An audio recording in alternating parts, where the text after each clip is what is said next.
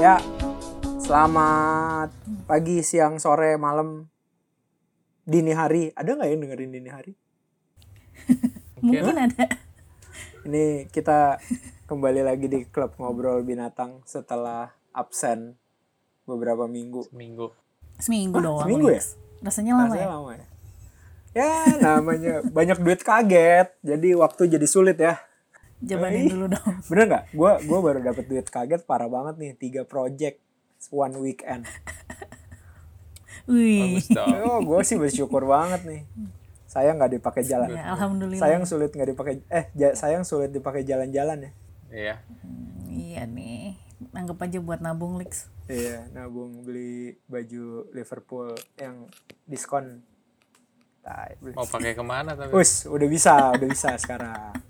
Oh, udah Iya, bisa. minimal Oke. minimal ke, ba- ke bawah ke bawah rumah susun gua udah bisa pakai baju baru.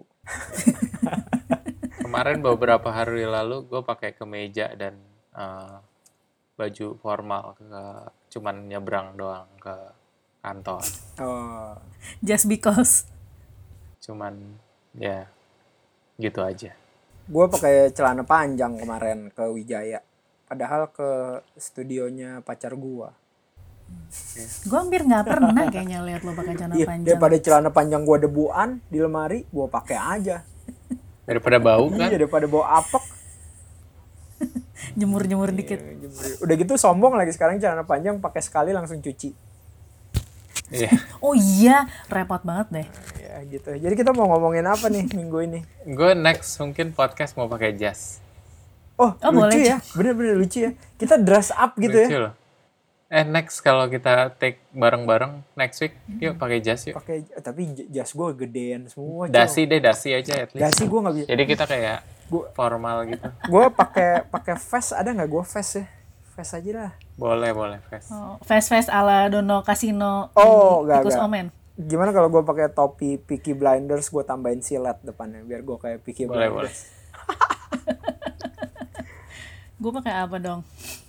Baju kawin aja, baju kawin. Iya. Aduh, baju kawin masih muat Sangka deh. orang gila lagi sedih. nanti. Nah, jadi Oke. Hari ini kita mau bahas apa? Hmm, journaling. journaling itu cara baik untuk mengingat periode pahit, manis, asem. Tapi masih ada orang yang eh, isi diary gitu gak sih? Gue penasaran deh. Eh, diary gue nggak tahu ya, tapi kalau blog sih gue masih sering nemuin tuh Blog iya. Hmm, Oh, udah pindah ke blog ya? yang nulis daily. Atau paling gampang itu yang orang nggak sadar bahwa ini sebenarnya a form of journaling tuh eh, lu baru punya anak atau lu baru punya tanaman, terus eh, progresi anak atau progresi tanaman lo lo taruh di Instagram dengan caption Sosmed ya? iya dengan caption cerita pendek ya. Hmm. Microblogging ya, microblogging. Kayak di Twitter gitu kan. Mm-mm. Oh, berarti yang kayak apa? eh, vlogger-vlogger eh, yang jalan-jalan gitu-gitu itu form of eh, apa? Eh, Journaling. journaling juga dong? Bukan? Kayaknya iya sih. Eh gue ada satu. Ini kan sekarang maksudnya ketika kita kecil dulu format format yang paling akrab pertama kali muncul kan eh, apa diary ya cung ya tadi yang lo sebut Gue melakukannya dulu.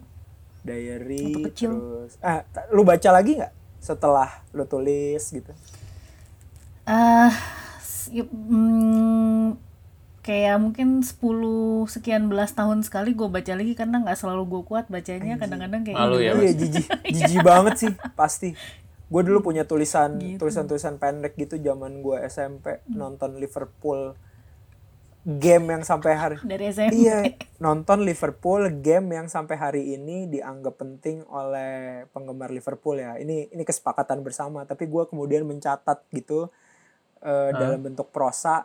Begitu gue lihat kan waktu itu gue menontonnya hanya lewat televisi. Eh, Iya. gamenya Liverpool lawan Newcastle United, Liverpool menang 4-3 tapi kejar-kejaran terus gitu. Nontonnya di Antv kalau nggak salah. Kick off setengah 12 malam tahun berapa tuh Lex? Masih sembilan ada Antv. sembilan lima 90s sembilan lima ya? sembilan enam antara itulah terus bajunya Liverpool masih Adidas keren gitu terus eh gue pas kuliah mungkin 7-8 tahun kemudian gue baca gue sih kayak jijik setengah mati ya ngapain gue nulis Untung lo gak nulis uh, puisi di situ. Eh, ada puisi juga ada gue sosok nulis puisi gitu Oh, ada iya. puisi juga. Lu menulis puisi tentang Liverpool bukan gitu, Liverpool tapi topik yang lain cuman dari Lex? era yang sama cuman dari era yang sama terus gue yang kayak gue nggak mau buang masih ada tuh di rumah nyokap gue gitu cuman mungkin sama seperti tadi lo lo lakuin itu kan melihatnya dalam Hmm. beberapa tahun kemudian cuman jijik sih efeknya nggak ada efek bagus-bagus sih Iya, nggak mau nggak mau buang tapi nggak mau Nggak baca mau. gitu kan jadi relik aja gitu. tapi lu sadar itu ingat- membangun lo gitu Lo ingat ini gak Lex? Gak tahu ya, gue dulu kayaknya uh, banyak orang yang menyalahartikan uh, diary gitu yang kayak temen lo nulis sesuatu buat lo gitu. nggak gue nggak pernah tuh dulu nggak nggak banyak orang yang menulis tentang gue kayaknya gue terlalu menyebalkan untuk ditulis Tapi yang lebih suka kayak gitu cewek nggak sih Cung saling ngisi gitu Iya. segala macam. Itu gue iya sih sama teman-teman kayak gitu. Tapi kalau baca sekarang lagi juga jijik sama. Yang selalu ada singkatan nama lo gitu. Kayak Felix, F apa, E apa. Gue inget ya ya ya ya ya. semoga kita bersama sampai tua nanti ya Ya. Eh tapi tapi itu kan sebenarnya bagian dari lo merekam hidup lo gitu kalau kayak sekarang mungkin mediumnya jadi berbeda kayak itu jadi eh, media sosial atau apa vlogging kali ya Tapi berarti media sosial dan vlogging itu semua yang mengisi itu akan malu nggak ya nonton atau baca lagi kayak 10 tahun lagi dari sekarang tahu. gitu loh. Nah, tapi kemarin untuk satu pekerjaan gue ya gue lagi mereset satu youtuber yang jadi youtuber eh, gaming youtuber lah. Gue lagi meriset nih. Jadi gaming youtuber ini viewnya najis gitu. Yang satu video dia lagi ngomentarin orang main game itu aja bisa 5 juta 6 juta dan itu bisa dapat dalam dua minggu gitu mungkin. View itu ya. Terus gue kan kayak nemu nih ada satu orangnya congkak setengah mati gitu. Hmm. Hmm, ya lo kalau denger kalau lo denger kalau lo yang mendengarkan ini lo tahu dia siapa eh, coba deh lakukan apa yang gue lakukan ini. Jadi gue karena gue riset gue perlu menulis profilnya dia untuk diajukan ke salah satu klien gue jadi Hmm. gue harus ngecek. Kalau gue biasanya ketika gue misalnya gue mau riset tentang lo nih cung nih gue akan Hmm. nelusurin nih lo sekolah di mana terus dulunya lo ngapain. Kenapa? Karena gue pengen ngebangun profil yang setidaknya ada tangganya gitu ada ada ada ada berkesinambungannya nah gue nemuin video-video dia baru mulai Uh, itu tahun 2016 2017 Hmm. tiga tahun ya Hmm. tiga tahun yang lalu gitu anjing jijik banget tapi itu orang masih menyimpan video-video itu di channelnya dia Hmm. Ya, berarti dia nggak punya masalah sama iya itu. bisa jadi dia nggak punya masalah bisa jadi dia berpikiran sama seperti yang tadi kita omongin gitu Oh iya iya iya. Itu- iya, iya. Biarin aja jadi relik Ah, gitu ah, ya. tapi jijik dia ngeliatnya juga gue yakin banget ogah Cuman gue paling nggak relik diary gue di lemari gue aja. Lo semua nggak lihat. iya kalau di YouTube gimana ya tiba-tiba Iya iya. atau iya, itu iya, jejak iya. jejak digital jejak digital seleb tweet ya kan Scary. tuh Mm-mm. Dan maksud gue kayak ada orang-orang yang gue kenal yang niat Hmm. nih ngumpulin aib orang gitu loh yang sampai di komputernya ada folder nama-nama kita masing-masing disimpan nih aibnya gitu. males banget tapi sekarang internet tuh bisa menemukan Ada gitu. apa pun tau gak lo makanya buat gue tuh buat gue tuh bukannya lo hati-hati ya tapi eh, lu jujur gitu loh yang penting Betul, setuju, setuju. karena nggak bisa lo apa-apain jejak apa lo akan ada di aja. situ gitu Hah. Tapi dari semua journaling gue paling suka uh, travel journaling sih. Gue suka banget baca kayak oh dia ke mana. Ini yang benar-benar bukan yang kayak uh, mainstream banget ya. Hmm. Yang, yang apa terlalu kayak uh, ngasih tempat-tempat makan favorit atau apa. Gue lebih suka yang lebih personal gitu loh kayak kalau dulu gue pernah apa uh, backpacking sendirian gitu gue sempet tuh bacain orang-orang yang uh, bikin jurnal tentang gimana sih caranya backpacking sendirian, apa yang lu cari, terus uh, apa yang bisa lu dapetin dengan traveling sendiri gitu-gitu itu menarik banget sih buat gue. iyalah itu Iya. kan kayak sebenarnya ya hal paling baik dari membaca cerita itu kan adalah lu jadi terinspirasi ya bisa jadi Betul. lu jadi tahu detail-detail kecilnya nggak sih cung. Iya, gue Kayak- punya satu temen Lex. Eh, waktu itu gue juga bantuin nih eh, ngelengkapin layout eh, journalingnya. Sayangnya dulu gue bantuin itu gue belum punya binatang press gitu. Cuma dia itu suka banget jalan. Dia selalu jalan-jalan maunya sendiri. Harus kayak berbulan-bulan gitu, kayak 3 sampai enam bulan gitu. Dan senangnya ke negara-negara komunis dan negara-negara. Anjing, Cewek boleh sendiri juga Indonesia loh. boleh Kenapa, juga Itu kalau Iya. kita terbitin lagi kayaknya seru tuh ya, Ndak ya. Oh iya bener.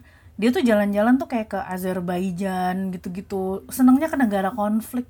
Hmm. Dan sendirian. Dan nyalinya gue nggak ngerti lagi Kayaknya nyawanya sembilan sih itu orang sih. Yang kayak bisa hi- hitchhiking tengah malam cewek sendirian di Amerika Latin kayak gitu.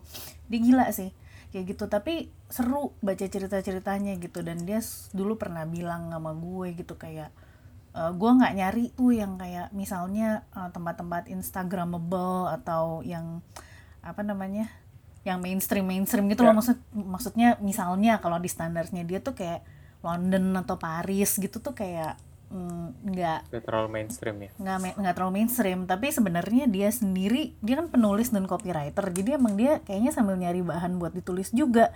Dan the good thing about journaling adalah ini beberapa teman-teman kita ya em, eh, ya kayak Lia tadi terus Ari ya Cung ya kalau jalan-jalan tuh dia sambil jual artikelnya gitu loh Lix lu suka jual nggak eh, journaling Wah dulu gua Cerita dulu lo gua ke. Inggris waktu gua nulis dari nulis buat Jakarta Post tahun 2000 ini kejadiannya 2011. Jadi dulu itu eh, 2011 berarti umur gua 33. Eh. Ya.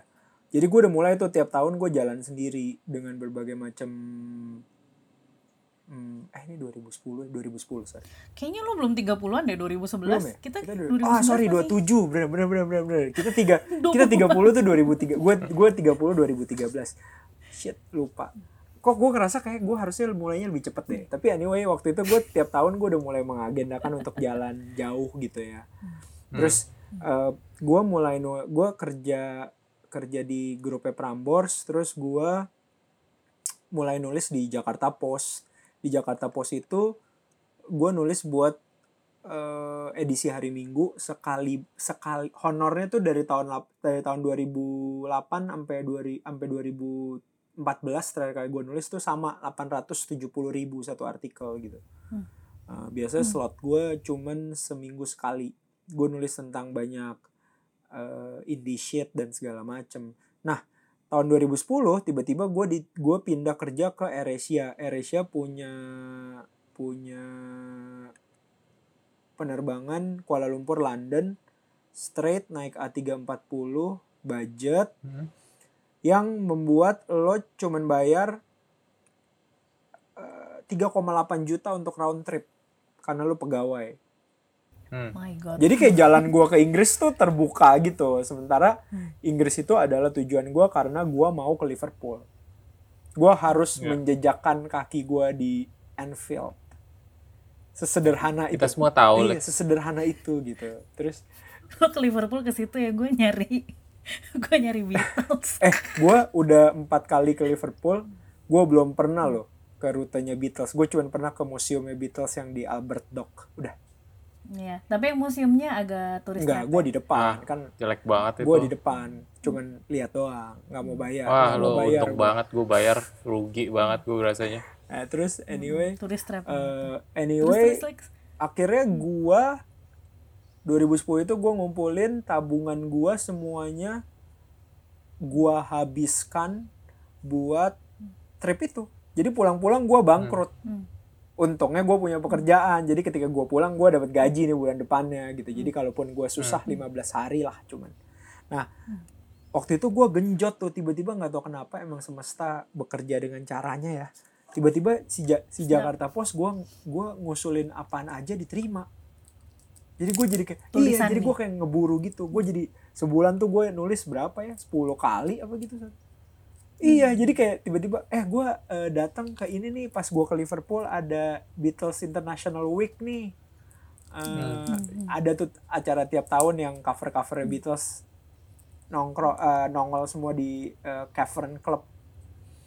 Jadi kayak Iya, ada Cavern itulah. Club. terus gue gue nulis itu terus gue nulis tentang eh lu keliling stadion di Inggris yang gitu-gitu. Jadi kayak gue buat-buat aja semua. Ya tapi itu akhirnya jadi jadi ajang jual tulisan. Wah, menarik banget. Masih ada like ada di website Jakarta Post aman kok. Cuman sekarang website jadi berbayar. Jadi gue harus Hmm. Iya. harus ngoprek ke kantornya mereka untuk ngopiin. Tapi gue beruntung karena kebanyakan kolom gue kan hari minggu kan. Jadi pasti tuh. Gue tinggal nyari edisi hari minggu di tahun ini kan cuman peluangnya cuman 52 kali. Ya tinggal lo liatin aja satu-satu. Oh ini ada tulisan gue ada soft copy-nya hilang. Tapi ini ya enaknya kalau penulis gitu lo bisa bisa iya jual bisa banget. dulu lu gitu. eh, nggak cuman itu biasanya kalau mau nonton konser ke Singapura tuh udah nyari tuh jual.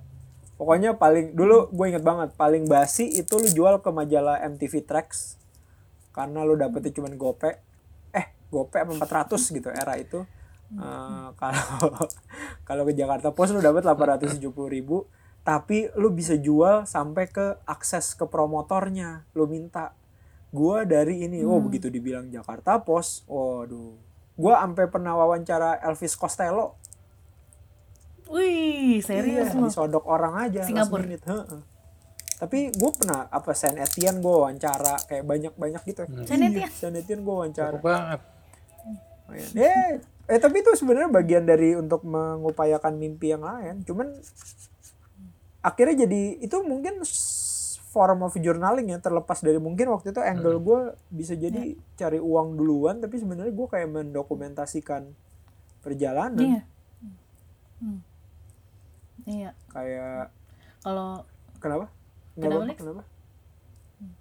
iya, kalau kita kan hmm, apa namanya? Ya, gue dulu mencoba menulis gitu kayak tapi kalau gue kalau jalan-jalan ke sini ya lebih banyak dokumentasinya motret sih. Kebetulan kita suka suka analog juga ya Cung ya.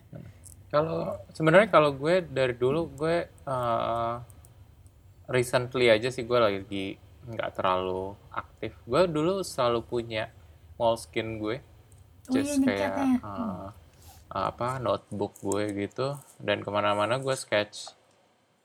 Jadi eh, dan eh, gue suka ngumpulin kayak eh, apa ada eh, postcard atau apa yang gue gunting-gunting gue jadiin collage gitu Hmm. selama gue jalan-jalan. Mungkin nih eh, pembelajaran gue dulu dari gue kuliah sih. Gue eh, selalu dulu kan gue sempat ngambil fine art juga. Nah di situ lo di encourage untuk journalingnya nggak. Kalau lo nggak bisa nulis ya lo at least sketch gitu. Nah ini jadi pencarian jati diri lo juga gitu. Jadi dulu gue sering banget tuh ke museum-museum terus gue sketchin. Dan itu kan dari yang tadinya tugas yang lo harus kasih lihat ke eh, kelas lo gitu, sketch lo 10 atau 20 ntar di dibahas bareng-bareng gitu. Ada yang pakai tulisan, ada yang pakai eh, medium macem-macem lah ya. Hmm. Nah dari situ eh, gue sempat eh, jadi kebiasaan gitu. Jadi kalau gue eh, mungkin Wanda sering experience. Kalau gue lagi jalan-jalan sama Wanda gue bisa ke museum gue duduk dulu terus gue gambar. Eh, dan itu jadi gue jadi ingat terus gitu loh sampai sekarang. Kayak oh detail-detail yang gue anggap wah ini dari eh, eh, apa sculpture ini yang gue suka apanya gitu bagian-bagian itu gitu gitu Jadi mental picture ya Cung. Nah itu menurut gue itu uh, part of journaling juga sih ya nggak sih? Iyalah, kan tapi kayak dalam berupa gambar atau sketch. kayak project menggambar pesepeda lo juga sebenarnya form of journaling kalau buat gue ya. Kayak eh, hmm. sebenarnya lo tuh sedang merekam gitu loh orang-orang yang berkesan di di kehidupan lo yang kebetulan ada di irisan yang sama ya itu yang sama-sama suka sepeda gitu atau ya atau sekarang yang eh, Panji Indra deh The Cyclist Portrait Ya. gitu Ya, kalau ya. anyway besok gua sama Stage ID ngobrol sama dia tuh tanggal Mau interview. tanggal 8 Desember gitu Eh, tapi buat gue itu kayak formatnya terkenal ya doi sekarang wah parah formatnya formatnya bisa macem-macem gitu dan lu jadinya bisa lebih merdeka Hmm, nggak sih hmm. karena emang nggak nggak melulu tulisan tapi kan sebenarnya idenya adalah informasi yang diwariskan. Gitu nggak sih? Atau lo pengen mewariskan informasi ke orang lain gitu gak sih? Gue soalnya ngomong-ngomong ya Lex gue nggak tahu ini ini gue nerjemahinnya sama atau enggak gue pernah satu saat gue dikasih satu eh, karung gitu apa sih satu kerdus gitu dari nyokap gue jadi emang nyokap gue dia nggak terlalu baca lagi tapi dia pengen gue lihat gitu. Wow, lengkap dengan rahasia-rahasia lengkap. terdalam ya. dia dia nggak terlalu ini sih dia nggak terlalu aneh-aneh gitu. Cuma dia bilang sebenarnya dulu yang menanamkan kebiasaan itu emang nyokap gue. Jadi nyokap gue pernah ngasih lihat. Jadi waktu itu gue abg gitu. Terus dia bilang kayak itu juga alasan kenapa sampai sekarang gue seneng motret segala dan gue udah seneng motret dari gue. Gue mulai motret tuh SMP kali ya Eh, jadi kalau ada yang nanya lu mulai analog kapan ya dari zaman Iya itu analog SM, Gua SM, nggak SMP sih 100% analog. Kagak ada digital. ada du- dulu gue pernah ada anak jauh lebih muda gitu nanya ke gue lu sejak kapan main Oh, udah analog gila lo kepret aja kepret. Udah gila lo ya. Dulu adanya analog anjing gitu. dari dulu nggak pernah berhenti emang adanya ini nah terus em, nyokap gue yang bilang gitu jadi dia ngasih lihat ini dari dari mama gitu kayak eh, ya apa emang ada yang norak-norak gitu sih. Cuma kayak dia dan nyokap gue kan sangat visual juga karena dia emang seneng gambar juga seneng mm, apa sih ya craft craft gitu. Jadi diary-nya lucu gitu nggak semuanya tulisan gitu Lix. Dia udah bikin kolase kolase dari uh, zaman dulu banget deh 70s gitu. Gimana sih yang kayak gunting gambar dari majalah terus kepalanya diganti foto-foto dia sama temen-temennya gitu. gemes banget sih gue liatnya sih terus nempel-nempel. Dan nyokap gue itu kembar. Jadi kayak sering banget tiba-tiba satu halaman tiba-tiba bukan dia tapi kembarannya nulis. Oh featuring. featuring gitu. Terus kayak ada kayak Lucu ya? sebenarnya kayaknya lebih banget, bukan featuring sih tapi lebih menjajah gitu. Saya gue pernah baca satu kayak eh, nyokap gue namanya Foni. Ini eh, terus kembarannya nulis ini si Foni lagi pergi jadi gue jajah aja. Ha, terus nulis nulis nulis nulis gitu kembarannya.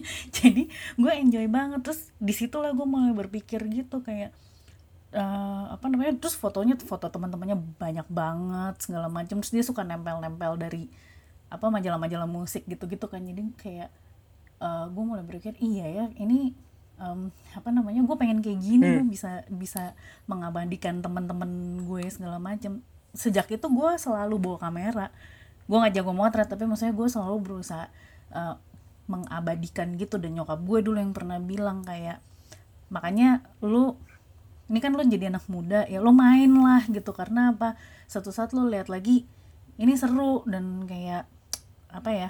Ya sekali temen ntar temen gitu loh istilahnya gimana sih? Gitu. Jadi eh, sebenarnya salah satu kalau tadi ngomong eh, masalah pewarisan gitu gue jadi ke connect aja sih. Kayak iya nyokap gue Lucu banget. ngewarisin itu gitu. Aku nggak pernah cerita ke kamu ya cuma Tapi itu yang yang lucunya dan apa? Yang ironisnya dengan sekarang kayak kalau uh, misalnya kita membandingkan ya kayak uh, apa uh, zaman dulu journaling itu uh, tujuannya nggak selalu untuk disebar orang-orang lihat Enggak, gitu enggak. nggak Iya, sih? nggak nggak Kayak nggak itu selalu. sesuatu yang private dan uh, lo being truthful sama diri lo sendiri apa yang lo rasain dan apa yang lo alamin gitu kan.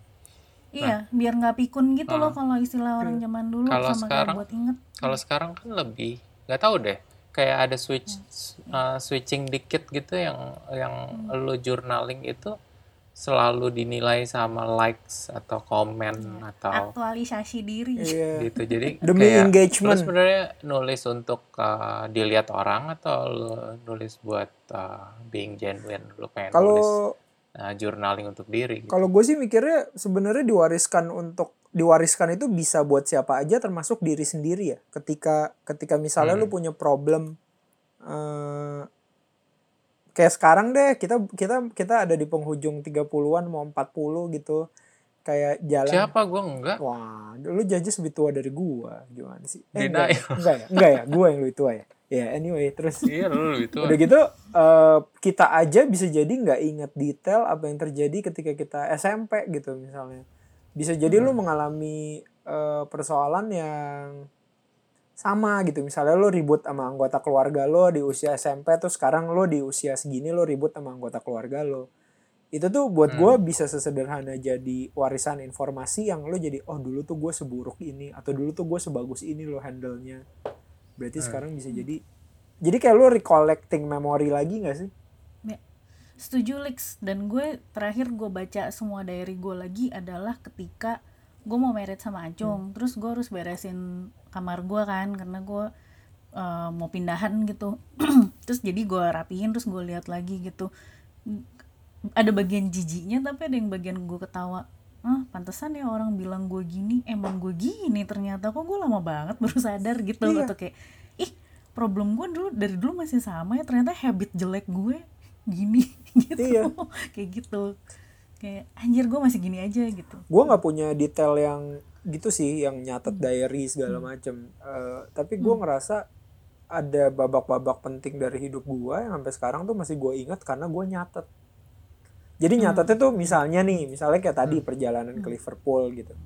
Eh, sekali waktu tuh gue suka tuh ngebaca lagi tulisan gue sendiri atau kadang-kadang kalau kayak Jakarta Post ada ada beberapa tulisan yang kayak misalnya "Eh, anjrit nih editornya kok dia kayak ngubah banget tulisan gue ya? Jadinya akhirnya gue jadi belajar oh ternyata lo kalau jadi editor tuh emang nggak boleh nggak boleh mengubah napas tulisannya gitu. Karena kan lo tuh cuman editor lo bukan penulisnya. Yang kayak Iya. gitu-gitu. Itu kan sebenarnya buat gue belajar dari pengalaman gue yang lama atau kayak misalnya tadi gue mau cerita sambung ke Acung bilang masalah eh, travel journaling gitu. Gue kena banget sama bukunya Maria Hartiningsih jadi dia wartawan Kompas eh, pensiun. Jadi semua pen semua duit pensiunnya dipakai buat perjalanan jalan di Santi eh, apa di Camino de Santiago eh, di Spanyol. Jadi itu adalah rute trekking berhari-hari pilgrimage-nya Katolik. Tapi Hmm. dijalanin sama eh, siapa aja boleh jalan karena itu rutenya beneran rute jalan kaki berhari-hari. Siapa pun boleh jalan dan siapa pun dari berbagai macam literatur yang ada itu kayak bisa ngasih kisah-kisah yang garis eh, besarnya adalah lo tuh bisa ketemu sama diri lo karena lo berjalan sejauh itu tapi lo tahu tujuan lo apa. Hmm. Hmm. dan kemungkinan besar lo nggak nyasar karena itu rute publik. Dan Ya. eh, ada guidance. Ini sama kayak misalnya lu punya punya punya apa namanya punya hasrat untuk trekking di New Zealand gitu di hutan-hutannya. Eh, atau di mana lah gitu. Tapi ini si si Camino de Santiago ini perspektifnya adalah Katolik kan. Ya lu nggak harus Katolik untuk bisa mengalami itu tapi karena dia Katolik jadi otomatis ada gereja apa lo berdoa ada gereja apa lo berdoa. Dan kemudian ketika baca jurnal perjalanannya itu intinya tuh bukan masalah rohani gitu. Intinya adalah lu berdialog sama diri lo untuk bisa menemukan kebesaran semesta gitu. Dan gue langsung kayak Hmm. cerita sama nyokap gue. Nyokap gue tuh kalau apa pun yang apa pun yang eh, berbau religi itu doyan dia. Karena dia udah di masa Hmm. pensiun kegiatannya cuma gereja nih sekarang terus oh gitu ini lu baca deh gue bilang gitu. Kamu mau baca deh. Eh, terus dia kayak karena gue mau bawa dia ke Sagrada Familia ketika komplit. Hmm. berarti 2026 tuh. Semoga kita semua dikasih umur panjang ya. Tapi si si Amin. Camino de Santiago ini beneran kayak masuk di bucket list gue gara-gara gue baca. Gara-gara Itu yang 10.000 miles itu ya kalau nggak salah ya. mungkin ya. Gue lupa detailnya tapi dia berhari-hari. Intinya intinya lu nggak boleh terserah lu kalau mau ngebut juga boleh aja tapi kan lu nggak bakal nemuin sesuatu yang seru gitu kalau lu Iya. ngebut Eh, dan gue nggak tahu ya gue kayak kayak kalau secara spesifik sama Spanyol gue kayak jatuh hatinya parah sih Eh, ini di Compostela nama kotanya Kom eh semoga gue nggak salah baca Compostela nama Hmm. nama kotanya tapi ya buat gue peran peran peran journaling tuh yang paling yang paling signifikan bisa kita rasakan ya itu. Dia jadi bisa ngasih Ya. inspirasi buat orang gitu. Tapi juga berarti kan banyak soal conversation sama diri sendiri juga berarti Iya. kan itu. Kayak gitu. Iya sih karena kadang-kadang kalau lo bacain lagi segala macam lo sebenarnya em, berkomunikasi sama diri sendiri juga gitu. Kayak termasuk gitu. lo termasuk lo jijik sama diri lo sendiri ya Itu bagian dari self acceptance juga bagian gak dari sih? self acceptance bener. Iya, gitu. Gue kalau gue pengalaman diary yang gue paling seneng itu sebenarnya jadi dulu gue pernah dibeliin lucu deh bentuknya kayak novel. Tapi pas dibuka bukan novel. Hmm. pas dibuka bisa ditulis tulisin kayak diary gitu. Gue dibeliin sama bokap gue. Em, namanya eh, super diary gitulah. Itu itu waktu itu gue masih kayak ABG gitu. Jadi dia nipu banget lo bakal ngira itu salah satu dari buku lo gitu lo ceritanya kalau lo nggak mau dibaca gitu tapi kalau lo buka dalamnya ada gitu. Nah itu salah satu yang masih gue simpen tuh sampai sekarang tuh. Terus eh, gue teringat juga nah ini bagian dari journaling juga. Di situ gue banyak cerita kalau jadi gue lagi getol banget umur itu punya pen pal. Ah, gue pernah tuh. journaling juga pernah nggak tuh. sih? Iya iya, gue pernah. Iya Gue sampai kirim-kiriman kartu basket. Wih, panini ya panini Bukan kartu basket, bukan panini. Panini tuh bola banyak kan. Bola. Kalau basket bukan, Bukan. panini ya eh, aduh mereknya Oh. apa Tapi upper deck itu gitu surat gitu. menyurat bisa jadi satu episode sendiri tuh ya. Iya, surat menyurat. Iya. Udah gitu dulu pakai ini kan, pakai forumnya tuh kayak kayak kontak jodoh di Kompas gitu kan. Yang lu dapat lu Iya. dapat newsletter terus ada alamat 10 orang. Lu cuman pilih namanya yang apa namanya? Aduh, namanya siapa nih yang gua cak nih ya. Gua kayak lu nggak tahu ini siapa sebenarnya. random Yoi. guess banget lo itu Terus ini gue juga lagi tadi barusan di samping lama gue gue suka sama corner gue di rumah ini nih karena tiba-tiba dia bisa nyambung nyambungin sama apa yang lagi diomongin. Gue lagi Hmm. salah satu buku yang gue baca nih ini nih Indonesia etc. Yang nulis uh, Ah, orang Amerika Pisani. Elizabeth Pisani. Dia keliling ke daerah-daerah kayak Gunung Gamalama lah, ke Banda Neira lah, kayak gitu-gitu.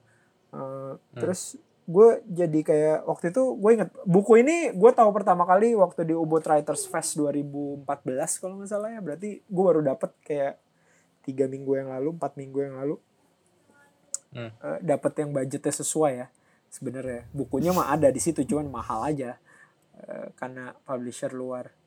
Iya tapi gue kayak ngerasa dari jurnal yang dia tulis jurnal perjalanannya dia yang dia tulis gue jadi bisa ngelihat Indonesia dari perspektif lain yang tapi sifatnya episode selanjutnya. Sebelumnya tuh gue pernah Hmm. baca bukunya Farid Gaban. Farid Gaban ini bekas eh, fotografer Tempo atau jurnalis kayaknya jadi dia keliling Indonesia naik motor trail Hmm. terus ke daerah-daerah konflik dan yang disajikan adalah hal-hal berat yang apa ya yang eh hal-hal kecil yang nggak pernah kelihatan sama kita di Jakarta gitu jadi misalnya kayak efek tambang Hmm. gitu kayak gimana terus betapa Hmm. orang rebutan air yang kayak gitu-gitu terus kemudian Hmm. gue jadi dari situ tuh gue kayak belajar wah anjing ini ceritanya pahit ya sebenarnya. Tapi kok lu bisa masukin dalam Hmm. sebuah travel journey gitu? Ehm, terus yang ngeliatin Indonesia etc tuh Indonesia etc tuh sifatnya kalau Farid Gaban tuh super negatif gitu yang kayak nih lihat nih negara lo begini. Kalau gue nangkapnya gitu ya. Negara lo nih bikin netizen gitu ya? Iya cuman punya ilmu jurnalistik aja jadi kayak lo Iya, le- lebih legit aja. Kalau si Pisani nih dia menceritakan hal-hal menyebalkan tapi dengan cara yang Mm. lebih optimis Hmm. jadi gue kayak developing developing iya, developing ini apa developing pemikiran baru gitu makanya buku-buku kayak Hmm. gini nih bikin gue kayak eh apa gue keliling Indonesia keliling Pulau Jawa dulu deh ngetes naik vario kali ya lucu kali ya kayak yang Hmm. sehari cuma jalan tiga jam aja kan masuk banget tuh. Kalau lo dari Jakarta tiga jam tuh naik motor udah membawa lo sampai Kerawang gitu. Lo stay satu hari Iya. lo keliling keliling keliling. Terus lo jalan tiga jam lagi. Mungkin seru ya? Seru banget. naik vario aja. Bokap gue dulu gitu Lex. Sampai kemarin gue baru ngepost kan di Instagram itu dia lagi di Jogja apa. Dulu anak trail banget. Wow itu dan seru ke mana-mana pakai seru trail banget. Mm-mm. Oh itu cita-cita gue juga sih. Gue pengen uh, someday kalau kesampaian gue pengen uh, ini sih goes uh, bike touring gitu dari yang sendiri aja nggak unsupported gitu. Hmm. Ya, mungkin dari uh, Jakarta Bali dulu atau bahkan uh, Tapi- terusin sampai uh, ke apa Indonesia Timur sana-sana Nah, sih. tapi menurut gue visible sih. Maksudnya eh, persoalannya Ya. musuh kita tuh cuman waktu gitu loh. Yang kayak emang bener lo mesti komit gue sih pengen banget kayak tahun depan eh gue beneran serius mungkin pas Ramadan kali ya. Ramadan tuh kalau tipe kerjaan gue kayak sepi. Pi pi pi pi sepi. Udah itu itu kagak ada earning spending doang. Masa sih Lex? Beda Loh, banget enggak, berarti gua, ya kalau tapi kita ada di Hmm. retainer. Cuman yang cuman yang sifatnya tarikan-tarikan iya tarikan-tarikan temporer tuh lenyap semua Ramadan Oh, kalau apalagi musik ya iya biasanya. Oh. Gimana kalau lu jalan, gue naik sepeda? wah jalan Kita nggak enggak ketemu enggak gua tapi. naik gua naik vario cung naik vario nggak ada jalan Oh, kekejar bisa. Nggak. Tetap. jalan Sok jalan lo, udah Cung. gila jalan mah udah gitu udah gitu kan gue kayak wah naik motor. Sebenarnya pilihannya kenapa gue berpikir untuk naik vario tuh sesederhana. Gue naik motor matic Eh, kalau gue jalan maksimal sehari tiga jam gue naik motor masih kuat lah tiga jam pelan pelan berhenti kan. Kayak santai aja karena tujuannya adalah melihat melihat apa namanya? Ya melihat perjalanannya gitu bukan masalah sampai Ya. termasuk opsi misalnya di Surabaya wah anjing males nih udah gua inin aja deh gua keretain aja nih motor gua nih pulangnya naik apa Tapi itu juga nggak sih yang yang yang what makes uh, jurnal is a journal itu harus jernih gitu loh. Iya. Kalau kalau instan gitu lo nggak bisa jurnalin itu gitu. nggak penting lagi tujuannya apa yang penting di dalamnya Iya, tuh apa iya. gitu Mm-mm. Kita sebagai seandainya kita disebut sebagai orang lain yang mm, membaca atau mendengarkan juga pada akhirnya sebenarnya lo nggak peduli endingnya apa sih tapi kayak ya udah perjalanannya apa yang seru Iya. gitu kayak kalau misalnya lo nonton film dokumentasi itu kan juga eh, ya bukan jurnal tapi eh, tetap catatan lah ya kayak dokumentasi atau lo baca jurnal orang lain buku atau apa juga yang lo pengen tahu kan sebenarnya kayak the little things yang di encounter gitu kan. Hmm. gitu. Ada satu lagi yang menarik sih sebenarnya. Eh, wah ini tapi ini tapi jadi kayak eh personal personal favorite gitu sekarang. Lo di YouTube ya lo liatin jurnal orang naik bus. Oh. Jadi bus bus antar kota Jawa sama Sumatera itu yang mungkin orang-orang kota besar seperti kita lewatkan adalah sekarang Indonesia bus sleeper tuh udah ada. Banyak. Ada banyak banget. Ush. Lo kayak lo Jakarta Jogja 300.000 ribu itu udah paling mahal. Eh itu di, masih di bawah harga masih di bawah harga kereta dan masih di bawah harga pesawat. Terus dia berangkatnya ada yang dari Bak Bulus ada yang dari Kampung Rambutan ada yang dari Kalideres. Jadi buat buat lo udah pernah coba? Belum gue mau nyoba banget. Tapi itu membuat gue beneran kayak anjing nih YouTube YouTube YouTube YouTube. Oh YouTube YouTube bus itu gila. Terus viewersnya tuh sejuta dua juta. Tapi yang Oh, iya ya? tapi beneran Oh, banget. beneran emang di luar semesta kita sih sebagai orang Jakarta menurut gua. Informasinya buat kita kita nggak nggak ini nih. Buat kita nggak nyampe tuh informasi ke kita. Padahal tuh keren banget. Nggak nyampe dalam artian ya emang nggak nggak beda zona aja ya bukan berarti Hmm. wah buat gue sih informatif banget. Terus yang lucu si vlogernya yang kayak dia lagi eh, dia naik busnya bayar lagi kebanyakan. Hmm. jadi kayak nggak mau di sport eh di support gitu. Begitu dia masuk ke busnya terus tiba-tiba orang orang misalnya namanya Acung gitu ya Eh, orang PO-nya masuk gitu ke dalam Mas Mas Acung ya? Yang YouTube ini ya?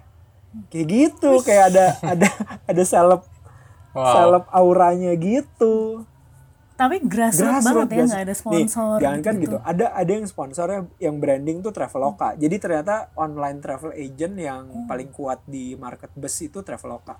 Lo kebayang nggak iklan-iklan Hmm, sebagai sebagai orang eh, advertising, lo membayangkan dong sentuhannya Traveloka tuh kayak gimana? Brand identity-nya jelas, terus segmentasinya Iya. jelas. Ini ketika mereka placement di market bus beda. Asli. Jadi Hmm, ada kayak dia dia ngikutin ya. ngikutin si travelokanya ngikutin sampai kayak sampai kayak eh, apa namanya eh, istilahnya apa sih? Injection atau apa bukan injection. Jadi dia kayak placement tapi Product ah, placementnya produk, gitu. produk produk placementnya tuh beneran kayak lagi ngobrol dalam bus. Misalnya gue tadi sama Acung gitu tiba-tiba gue eh mas mas Acung ya? Yang di apa di vlog ini ya?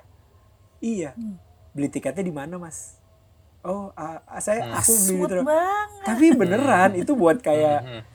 buat kayak agensi metropolitan sih tai kucing but it works jadi kayak oh anjing ini beneran emang kayak kita tuh nggak ada tai tainya tau nggak lo? metropolitan ini tuh nggak ada tai tainya Tapi lu pernah uh, Lex kayak naik bus dari yang jauh gitu yang pernah overnight. pernah gue naik bus paling jauh di Eropa 18 jam dari Hmm. eh, Sleeper berarti Enggak. kan? enggak parah Parah, Di- aduh. bukan bukan bukan di Eropa di di di New Zealand gue dari Auckland sampai ke Wellington Hmm. parah Pindah pulau pindah dong. pulau naik ferry Hmm, hmm, hmm, hmm. jadi ya untungnya nah untungnya ya kebetulan jadwalnya tuh eh, waktu itu supir busnya sampai ada nenek-nenek 60 tahun. Minggu depannya mau pensiun. Terus gue Ya, tanya iya gue tanya kok lu masih jalan umur segini? Tenang kalau lu di New Zealand ya kuncinya cuma satu. Kalau lu ikutin semua rambu itu lu nggak bakal kecelakaan. Lu yang bener yang bener loh. Iya nih ya. Coba misalnya tuh rambu itu bilang 60 km per jam. Lu jangan lewat karena kalau lewat lu mungkin akan bikin kaget orang atau lu ngeremnya nggak dapet Hmm. misalnya gitu yang kayak gitu wah jadi wisdom nih nenek-nenek 60 tahun jadi supir bus boleh juga Tapi uh, apa naik bus di situ lumayan ini feel-nya aman gitu. aman yang paling seru adalah orang bule itu nggak suka paling depan sementara Hmm. gue suka paling depan karena clear lu ngelihatnya udah gitu Ya, udah gitu ya. double Iya, decker iya, iya. busnya bus antar Hmm. kota double decker waktu itu nama busnya apa ya lupa ada bis pokoknya murah itu kenapa gue bela-belain 18 jam karena eh, murah biasa standar Ya biasa lah, pasti bus paling murah. Nah, pengalaman gue, gue pernah uh, di Amrik Hmm. sih. Gue pernah dari San Francisco sampai San Diego. Terus ke LA sama Las Vegas. Hmm. itu berapa lama Nah, waktu itu keadaannya uh, gue sebagai uh, apa anak kuliahan yang gak punya duit ya kan. Iya. Terus pengen traveling, gimana caranya ya paling murah Bus lah ya. adalah bus dan gue naik Greyhound. Iya, Greyhound legendaris Ah, gue pengen nyoba tuh gue pengen legendaris nyoba kan. tuh Wah, nggak enak banget Lex. ini ya eh, tempat duduknya L gitu Gua ya menga- Iya, terus gue gue mengalami sisi Amerika yang jelek yang uh, kayak lu nonton Breaking Bad gitu Hmm. loh. Dan yang ghetto banget, jorok banget. Terus gue pernah hampir dipalak di situ. Terus gue pernah apa? Sok-sok nggak bisa ngomong Inggris di situ. Soalnya benar-benar yang naik itu uh, either lo Mexican atau orang hitam Hmm. dan beberapa bule yang yang benar-benar kayak homeless gitu. Hmm. Dan apa itu di situ uh, gue nggak journaling sih, paling gue sketch-sketch orang-orang yang lagi naik busnya aja, yang gue anggap menarik. Soalnya gue juga takut kalau gue lagi ngeliatin terus dilihat balik kan males males Serem banget, kontak kontak males mata kan. awal dari segalanya bahaya dan malesnya Greyhound itu dia kan murah Hmm. banget. Jadi dia stopnya banyak banget Lex. Dan oh, lama dong. Wah lama banget, terus benar-benar yang uh, pain in the hell banget deh. Terus uh, ada satu kali gue nggak gue lupa di kota apa gitu ya di salah satu transit itu uh, sepi banget dan stasiunnya kayak begitu orang turun orang berhilang gitu. Anjir. terus gue yang anjing gue kok di sini sendirian Males, males, males. orang Asia nggak punya apa-apa cuman bawa satu ransel terus sendirian gitu di satu kota terus gue bingung gitu kan kayak aduh eh, ini gimana nih terus gue tanya hmm, eh, apa eh, si drivernya juga boro-boro baik kayak si nenek-nenek lo itu dicuekin Lex beda Terus beda karakter orang New Zealand wah kayaknya orang orang baik semua di situ. Terus sampai uh, akhirnya ada orang datang lagi, ternyata emang kayak gitu. Dan itu uh, service terjelek yang gue pernah alamin di Amrik waduh gitu. Tapi Amrik transportasinya emang shitty gak sih, Cung? Aku pernah naik pesawat Delta. Kayak di sini kayak AirAsia-nya segala, aduh AirAsia segala sih proper banget sih. Kayak mau ke WC aja ada tai ngambang dah. wah itu Eh tapi tapi Ryan Ryan Air juga begitu loh. Kayaknya kalau transportasi segala lebih proper Asia Pasifik sama Eropa. Ryan Air juga begitu loh. Gue nggak pernah Masa? mudik naik bus sih, tapi gue pengen sih Iya, ngalamin mesti itu. mesti coba sih. Maksudnya sekarang kan takutannya adalah stigma bahwa bus itu nggak nyaman dan Dan covid sekarang mungkin. ya covid oke lah, tapi Eh, gue pernah deh naik bus sampai Bali kok lupa. Nggak apa-apa sih, Hmm. kayak terus gitu. Cuma em, kalau boleh tips, enak kalau WC-nya di dalam sih. Iya. Nggak stres Nah, gitu, tapi jangan duduk di belakang, bau. Nah, itu yang gue alamin pas salah satu eh, di perjalanan di naik Greyhound itu gue rasa kayak wah di belakang paling aman, ternyata paling bau. ya ya ya paling bau apa. Aduh, hell banget sih itu. Tapi ya begitulah. Kita mungkin gue pengen sih satu hari gue mempraktekkan sleeper bus itu. Ke Intinya sih kalau eh, gue sih kayak begitu lo traveling gue setuju sama yang lo tadi ngomong, Sulik yang kayak eh, di mana lo bisa bener-bener ngomong sama diri lo sendiri. Terus kayak eh, ya ngalamin eh, lo tanpa harus ngikutin yang lain gitu loh. gue masih Itu menarik gue masih ingat kok eh gue landing di London Stansted malam jam 10 malam terus eh ke Londonnya itu baru besok paginya jam 7 pagi. Karena eh, apa namanya tidak disarankan kecuali lu punya duit banyak. Sementara yang landing di London Stansted tuh orang-orang budget tipis. Karena udah nggak ada transport umum dan segala macem gitu. Terus gue masih inget banget muka gue ketika akhirnya gue ada di shuttle-nya Easy Bus dari London Stansted ke hmm, Piccadilly terus kayak gue kayak anjing akhirnya gue di Inggris itu kayak wow tapi ya mungkin mungkin itu memang memori-memori yang harus lo rekam Dan jadi sesuatu ya. Iya. Tapi yang menariknya juga kalau menurut gue, eh, sebenarnya perjalanan itu yang meng- eh, menghasilkan satu jurnal itu bisa diceritakan dalam banyak hal gitu loh. Lik. banyak format pula Mm-mm, kayak eh, kemarin nih yang kita lagi kerja sama sama eh, Marlis sama Diego, ah itu yang lokasi gue previewnya ya? Iya gue Ah, yang in between journal itu kan mereka eh, goes dari eh, eh, Belanda ke Indonesia. Niche Megan bacanya Niche Megan bukan ya? Niche Megan atau apalah itu. Apanya? nama kotanya. Iya kayaknya ya. Nah, di situ eh, gue gue selalu follow mereka sih waktu mereka iya lagi itu itu perjalanan ini banget dari, tuh oh udah talk, sampai mana talk of nih, the town gitu. banget keren banget sih itu Kenapa? ya talk of the town banget waktu itu si Diego Mm-mm. Marcus itu terus Nah, itu eh, menurut gue dan mereka kan selalu eh, foto terus eh, setahu gue juga mereka nulis terus eh, ya itu eh, jadi pengalaman eh, terbesarnya di ya, hidup mereka lah Hmm. Perjalanan itu dan kan belum diulang lagi juga jadi eh, eh, kebetulan waktu eh, kita ngobrolan akhirnya pas mereka sampai ke Jakarta kan kita ajak ngobrol nih kayak wah gue eh, inspired banget sama eh, perjalanan lo gitu Hmm. dan kebetulan mereka udah uh, sign deal sama orang lain untuk bikin buku waktu itu kan. Iya. Nah, tapi gue tetap ketemuin dan gue pengen ngajak ngobrol lah apa yang bisa kita kerja sama gitu. Nah, uh, akhirnya waktu itu mereka uh, punya ide gitu kayak uh, oh gue uh, punya ide nih kayak gue pengen menceritakan perjalanan gue tapi bukan dari point of view gue Hmm. gitu. point of view mereka gitu. Terus itu jadi, hah? Point of view siapa dong kalau kayak gitu kan Iya. lucu banget. Ternyata mereka pengen dijadiin buku anak-anak, Lex.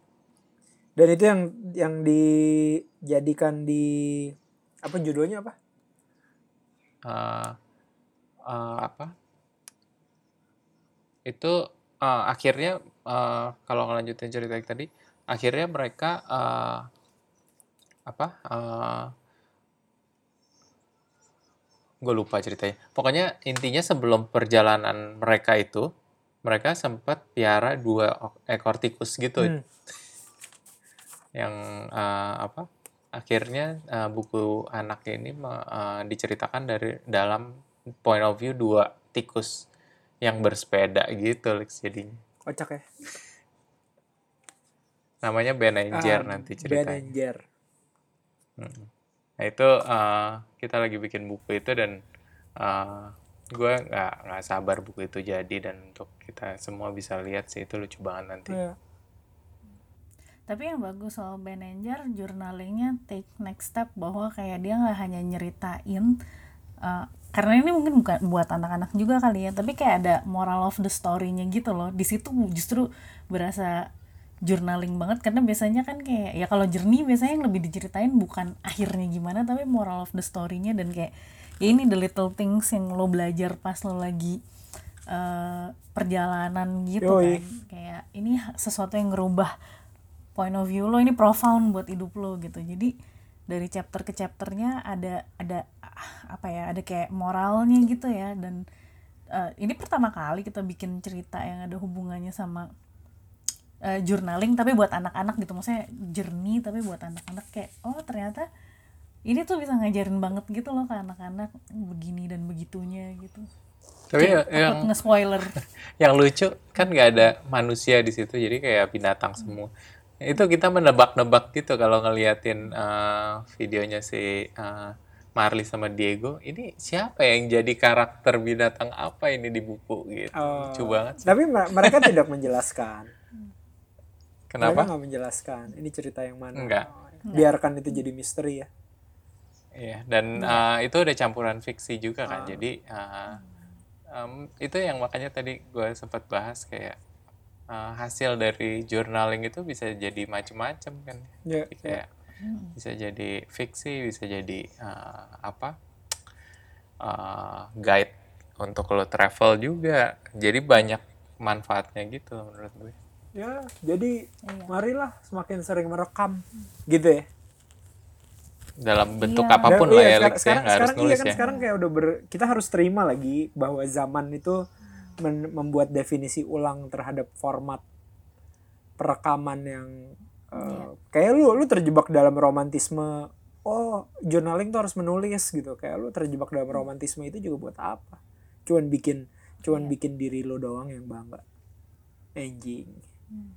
gila meskipun harus diakuin soalnya sebenarnya problemnya kalau gue lihat bukan romantisme tapi memang menulis tidak gampang dan Iya, sem- dan gak semua orang gitu. bisa itu jadi kalau lo bisa menuliskan itu tetap kalau buat gue bukan romantisme tapi kayak ultimate kayak wah lo bisa lo me- me- mengelaborasikan itu dalam kata-kata. Karena kan kalau uh, video atau apa lebih lebih ekspres gitu loh meskipun ya tentu saja untuk bisa jadi orang yang motretnya bagus videografer yang keren itu ada teknisnya juga ya. jam tapi- terbang ya? Jam terbang lah ya kayak gitu. Tapi sebenarnya sih kalau gue menyimpulkan kayak setuju sih nggak ada cara yang salah gitu. Terus kayak jangan kebanyakan mikir nggak sih? Pokoknya rekam dulu gitu. Yoi. Jangan di drive sama likes. anjing. Bener Bagus. bener, bener. ini ini. Jangan di drive sama journaling. likes. Journaling itu bu- jangan di drive sama membuat konten gitu berarti ya cung jangan. Simpan aja dulu semua untuk ini untuk kemanusiaan. Iya. itu endingnya tuh untuk kemanusiaan. Oke. ya udah. Terima kasih sudah Eh, mendengarkan ya. Oke. sampai ketemu di kali berikut. Saya eh Yo. kita dulu Iya. dulu kita belum kenalan dari tadi. Tau gak lo? Ah, Oh, iya. saya saya Felix. Tertelat. Gue kira semua orang udah kenal gue by, by belum now. belum belum belum. Lo lo nggak seterkenal itu cong? Nggak? Gue jadi kita harus Oh, iya, iya. memperkenalkan diri. Saya Felix. Gue Wanda pamit dulu Dan gue acung. ya semoga Bye-bye. semoga Bye-bye. Acung lebih terkenal abis ini ya dah Dah. ya bungkus